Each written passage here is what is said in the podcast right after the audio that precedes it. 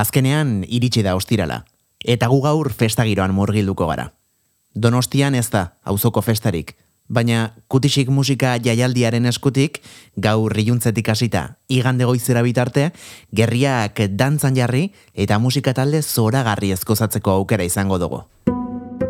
Horren aurretik baina, datorren aste artean Donostiako trueba zinemetan Kresala Zineklubeko lagunekin dugun itzorduaz jardungo dugu.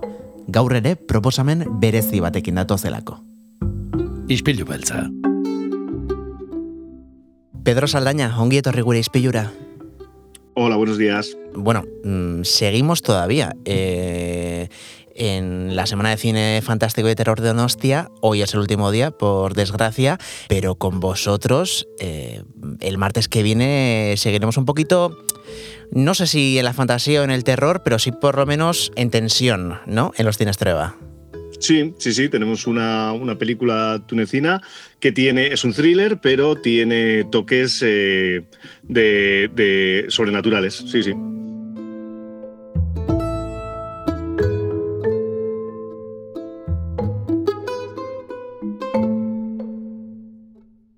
La película de la que vienes a hablar hoy, Ashkal, los crímenes de Túnez. Cuéntanos un par de pinceladas sí. sin hacer ningún spoiler.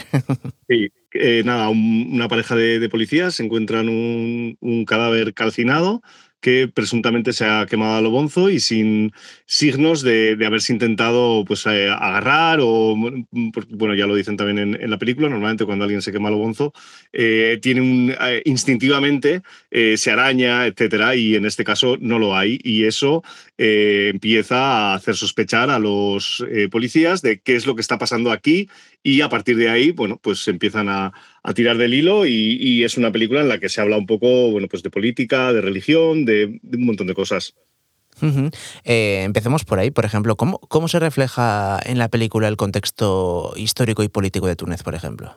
Mm, bueno, pa para empezar, el hecho de que el, el, personaje se haya quemado a lo bonzo, eh, bueno, nos puede retrotraer a, a, los acontecimientos que desembocaron en, en la primavera árabe, cuando Mohamed Bouazizi se, se inmoló, bueno, porque le habían robado, bueno, le habían decomisado la policía eh, la carreta que llevaba con, con un peso y, y, lo que llevaba para vender. Y bueno, pues esto desembocó en una serie de protestas que acabó con, con, eh, con el régimen de, Ben Ali y eh, bueno, pues eso, esto dio paso a, a, lo que se conoció después, tanto en Egipto como en Túnez, como la, la, primavera árabe. Esto está bastante presente en la película, aunque no se mencione, se menciona en algún momento, ¿eh? pero digamos que no, no es lo más importante, pero es lo que subyace todo el rato, está, está debajo. Hay que añadir también que la película está rodada en un barrio que está inacabado. Es un barrio que se empezó a construir antes de, del estallido de la primavera árabe y que no se terminó de construir, un barrio residencial. Eh, entonces el, el director también hábilmente utiliza ese espacio a medio construir, medio derruido, pero en parte construido, para eh, ir eh, contándonos eh, en la película, bueno, pues cuál es el estado, como, como decía, pues, pues de la política, de la corrupción de la policía, todo, este tipo, todo este tipo de cosas. Es una película del 2022 y ya hemos comentado que está ambientada o situada en Túnez, pero no sé si eh, el equipo técnico, el propio director y todo el, bueno, todos los actores eh, si pertenecen también a este país. Sí, sí, sí, es, es, una coproducción. Seguramente habrá, habrá alguien francés también. Eh, si, no recuerdo mal, es coproducción franco-tunecina. Igual hay al, algún país más, puede ser. Eh, el caso es, eh, bueno, la, mayoría son actores tunecinos y sí que es cierto, por ejemplo, la, la, protagonista ha estado mirando y no ha participado en, en más películas. El, el, actor sí que, es, sí que es alguien más famoso y desde luego todo el peso recae sobre la actriz protagonista. Es verdad, el actor sale mucho también, ¿eh? Pero digamos que la, la, protagonista es ella a lo largo de toda la película. Yo creo que siempre es interesante acercar otras cinematografías. Me estoy acordando, por ejemplo, el año pasado echamos una película eh, egipcia que se titulaba Plumas, que también tenía un componente sobrenatural, desaparecer el padre de familia eh, de, una, de una familia muy humilde eh, y la, la, mujer se veía obligada pues, a, a tomar las riendas de la familia con las dificultades que te puedes encontrar en un país de corte islámico en el que la mujer pues siempre siempre está relegada a un papel secundario, a trabajar en casa, todo este tipo de cosas. Eh, en ese sentido, creo que siempre es interesante poder traer películas de, este tipo de nacionalidades para ver también otras realidades. Este año, si no recuerdo mal, hemos echado Entre las higueras, que también estuvo en la quincena de, realizadores, como esta película, eh, y también el año pasado echamos, no me voy a acordar del título, eh, pero también echamos una película que era coproducción franco, franco-tunecina. Era una historia de amor mucho más mm, light, por decirlo de alguna manera, pero también eh, subyacía el, machismo, la protagonista era una chica y subyacía también todo, en todo momento todo este tipo de cosas. En esta película, al ser un thriller, digamos que el tono es mucho más serio y mucho más, eh, bueno, pues eh, más, más, de thriller, más eh, eh, episódico de, buscar responsables, de tirar de un hilo, de ir a preguntar a no sé quién y esto te desvela otra subtrama.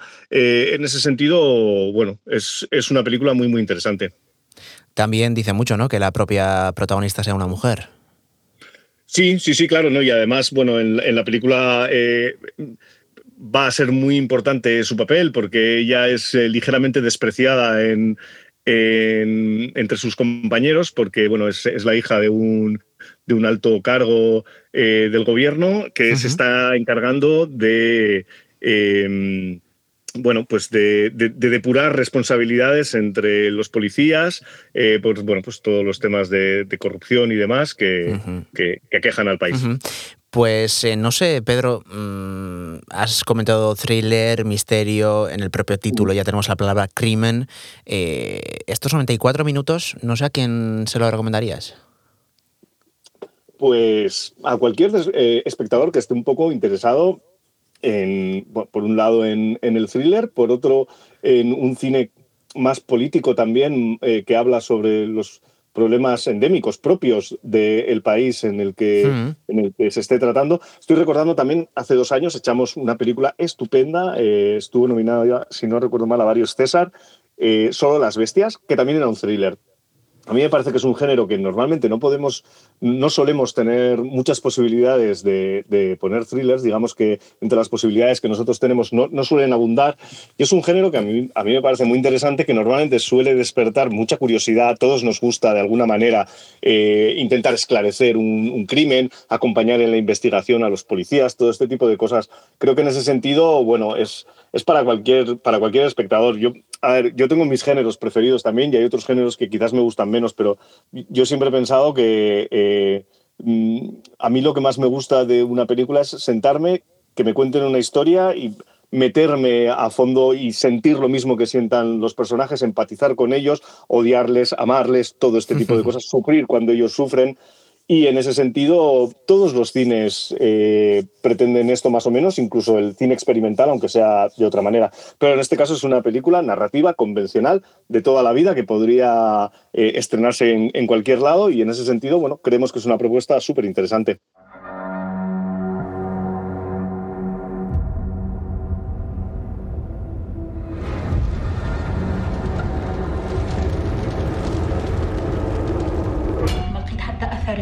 غريبة شوية. عليه غريبة. على خاطر اللي يحرق روحه يجري في الاتجاهات الكل السيد هذا كأنه سلم روحه للنار وما قاومش.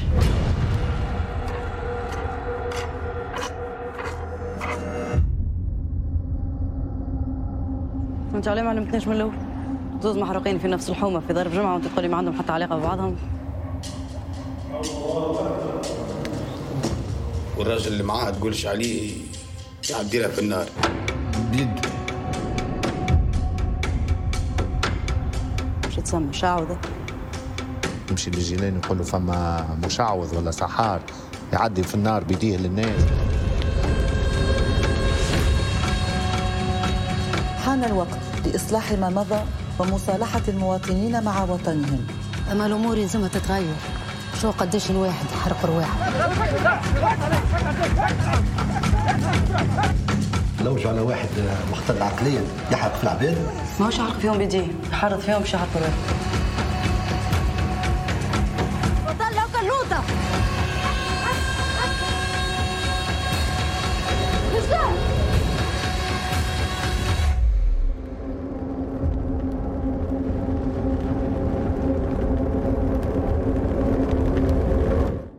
Jo, Pedro Saldaña, mmm, ¿qué más puedo decir? Que, que, ha sido un placer tenerte una vez más por aquí, por Espillo Elza. Invitamos a todos los oyentes eh, a acudir el martes que viene a las siete y media a los Cines Trueba y también a quedarse al coloquio que soléis eh, realizar después. Uh -huh. eh, un coloquio muy interesante, ¿no? Donde la gente también puede abrirse Sí, y, claro. y participar, ¿no?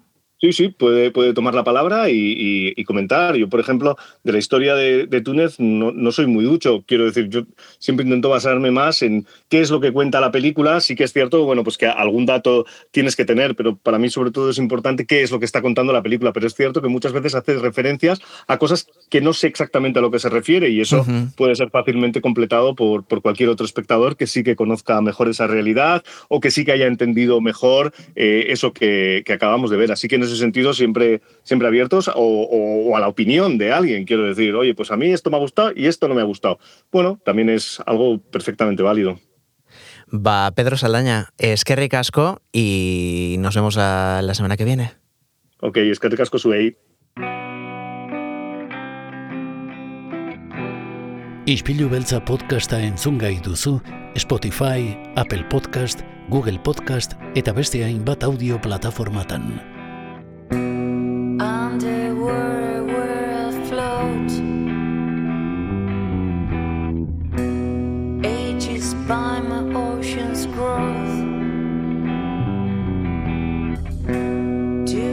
Obstacles I might find,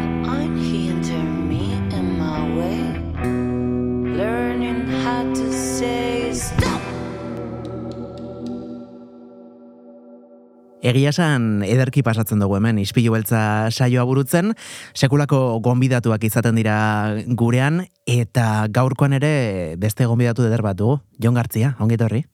Eskerrik asko piropo batik. zer modu, zer modu zaude aspaldiko? Bueno, mentxe, ba, musikari buruz hitz egiteko prest, ez? Bai, momentu... Horta, hortarako deitzen nauzu bakarrik. Hortarako bakarrik zatoz e, ja. gurera. Gainera, mm, gaur bada zuretzako eta, bueno, gainontzeko donostiarrentzako, eta donostiatik kanpokoak direnentzako ere bai, egun berezi bat, gaur eta bihar mm, festa, bueno, bazi urtatuta dagoelako gure irian.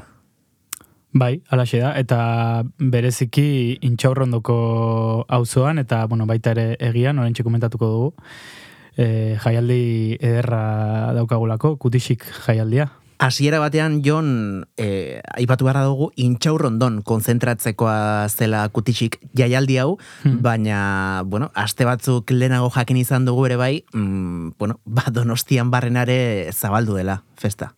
Bai, hori da. Bueno, aurreko urtean ere e, alako zeo zer egin zuten, e, hori, aurreko urtean egin zen hain zuzen ere lehenengo edizioa, bueno, uh -huh. esan barra balio dute e, kolektiboak e, antolatzen duen jaialdia da, musika jaialdia.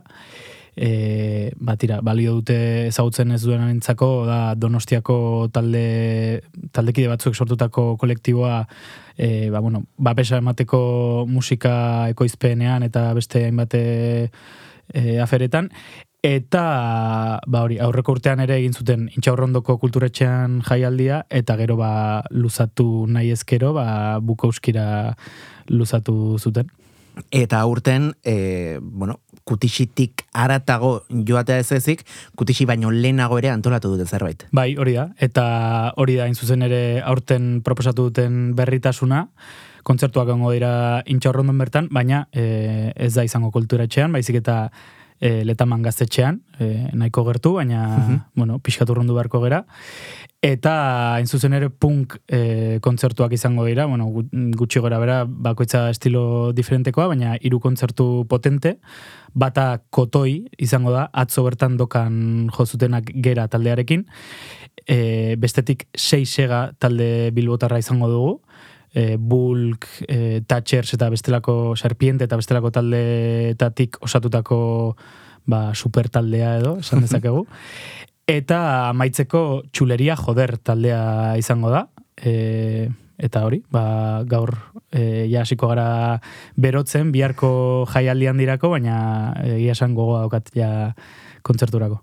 Gaurkoa esan genezake biharkoaren aurrekariak direla telonero modukoak, baina mm, potente datoz, indartxu datoz eh, gaurko taldeak ere. Bai, bueno, esan dezuna, eh, gaurkoak ere potenteak dira, eh? eta e, ba, gomendatzen diogu jendeari gerturatzea, ze ba, potentea dira kontzertuak, e, seixegak adibidez, uste dut kontzertu bakarra eman duela aukerrez banago orain arte, eta gaurkoa ezakit bigarrena izango ote den, eta egia San Kriston taldetzarra aipatzeko Bandcamp e, portal, edo, bueno, webgune famatuak, e, duela gutxi jabeteko diskarik onena bezala, edo punk diskarik onena Ah, bai? bezala izendatu zuten, osea, e, gerturatu, bueno, e, uste sarrerak bertan lortu halko direla, gaur bertan, beraz, e, joan, joan nahi duenak, ba, azkari bili beharko du. Hori beraz eh, gaur eh, intxaurrondoko letaman gaztetxean izango dugun eskaintza, eta biharkoa ere oso potente dator. Eh, Bihar donostiako intxaurrondoko kulturetxean izango dira kontzertuak,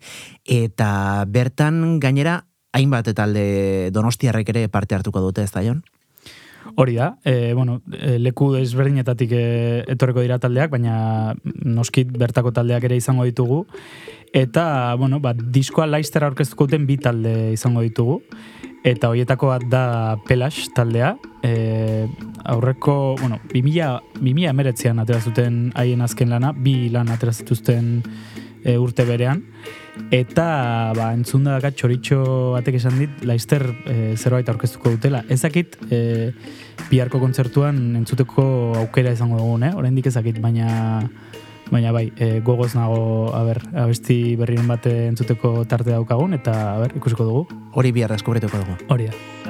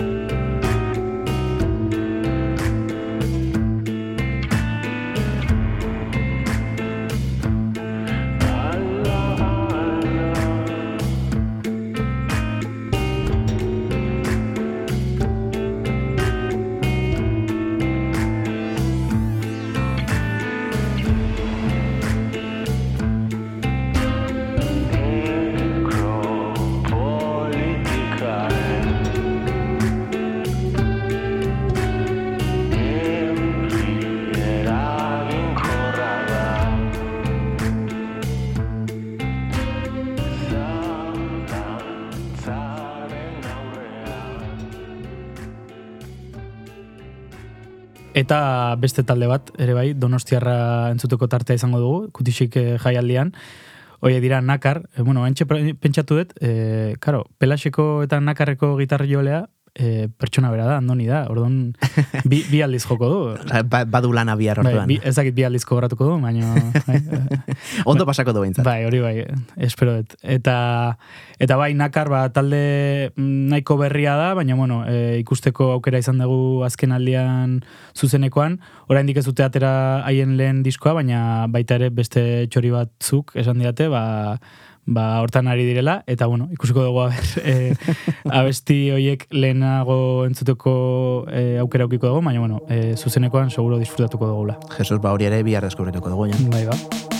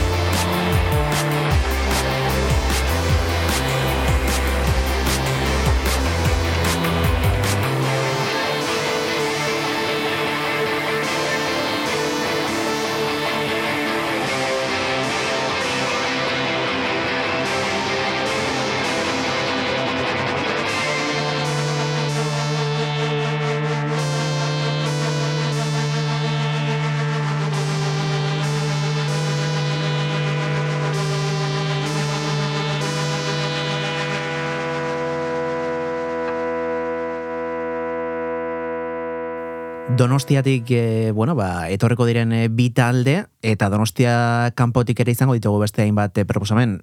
Oso urrutira ez dugu joan beharrik izango, baina baina badatoz, ondoko herritatik.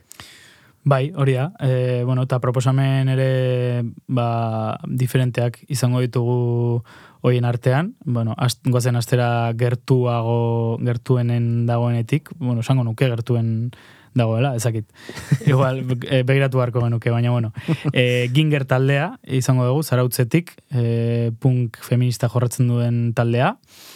E, hori batetik, gero bestetik Peio Ramusperen crowd synth popa e, crowd pop proiektua izango dugu, aira izenarekin ezaguna dena, eta Mhm. ezakit, e, ze, bueno, nik azken aldean ikusi nuena, bakarka joan zen bere sintekin eta bar, baina ezakit kasu honetan, ze batzutan e, bandarekin juten da, eta bueno, e, egia esan kontatu diatenagatik e, bere banda... Beste nahiko- txoritxo batzuk. Ez, orain narrain batek. Ah, vale. bai. eta eta esan diate pf, nahiko banda potentea daukala, beraz, bueno, ikusiko dugu. Nik uste bandarekin etorreko dela, baina ezakit. Eta, ba, amaitzeko, e, mungiara, mungiatik etorreko dira tok taldea, e, plaza guztietan jotzen ari den taldea, Bai. e, rock talde ba, potentea, eta gerozta sona gehiago hartzen ari dena, eta bueno, ba, hoietaz ere gozatzeko aukera izango dugu. Eta kutixik jaialdiaz gozatu ondoren, etxera joan nahi ez duen parrandero horrentzat ere, badago plana, gainera, gure irratikide batek, gure lankide eta lagun den, mm, bueno, ba, artista batek ere, bertan parte hartuko du festa horretan. Hori da, Telmo Trenor, e, aurrekurtean ere ustet bera e, bertan izan zela. Telmo Trenor eta Lamia Mari dileak e, izango dira ba hori, ba, parrandero entzat e, musikaz girotzen e, ba, festa, eta... Intxorrondotik kanpo hori bai. Bai, e, Bukowski aretoan egian. E, beraz, e, bueno, ezakit aurreko urtean, egia esan, e, zet asko prestatu, eh, sekzioa ikuste duzun bezala, baina aurreko urtean gogoratzen naiz autobusak egon zirela e, bueltarako, orain honetan ezakit, e, bueno, izango da e, nola bueltatu ez dago urruti ez. Best- Bestela taxi bat, bizikleta, bizikleta ondo Bizikleta, bali mazbaz, txintxo, Bai, bai. eta bestela, ba, izu, taxi bat edo, edo autobusa hartu eta Hori da. E, nahi duena mugituko da. Aurkituko duzi hor, e, nola joan, nola iritsi Bukowskira eta tartean zuk ere bai on. E, kontatuko diguzu, horrengo astean zer moduz. E, bueno, zer moduz pasako duzun bai gaur letamanen, bai bihar e, intxaurrondon, eta baita ondoren ere Bukowskin egian e, plan luzea, eh? Eta Bueno, a, musika hona dagoen bitartean ez da, ez da luzea egiten, ni gogotxu nago. hori ere da.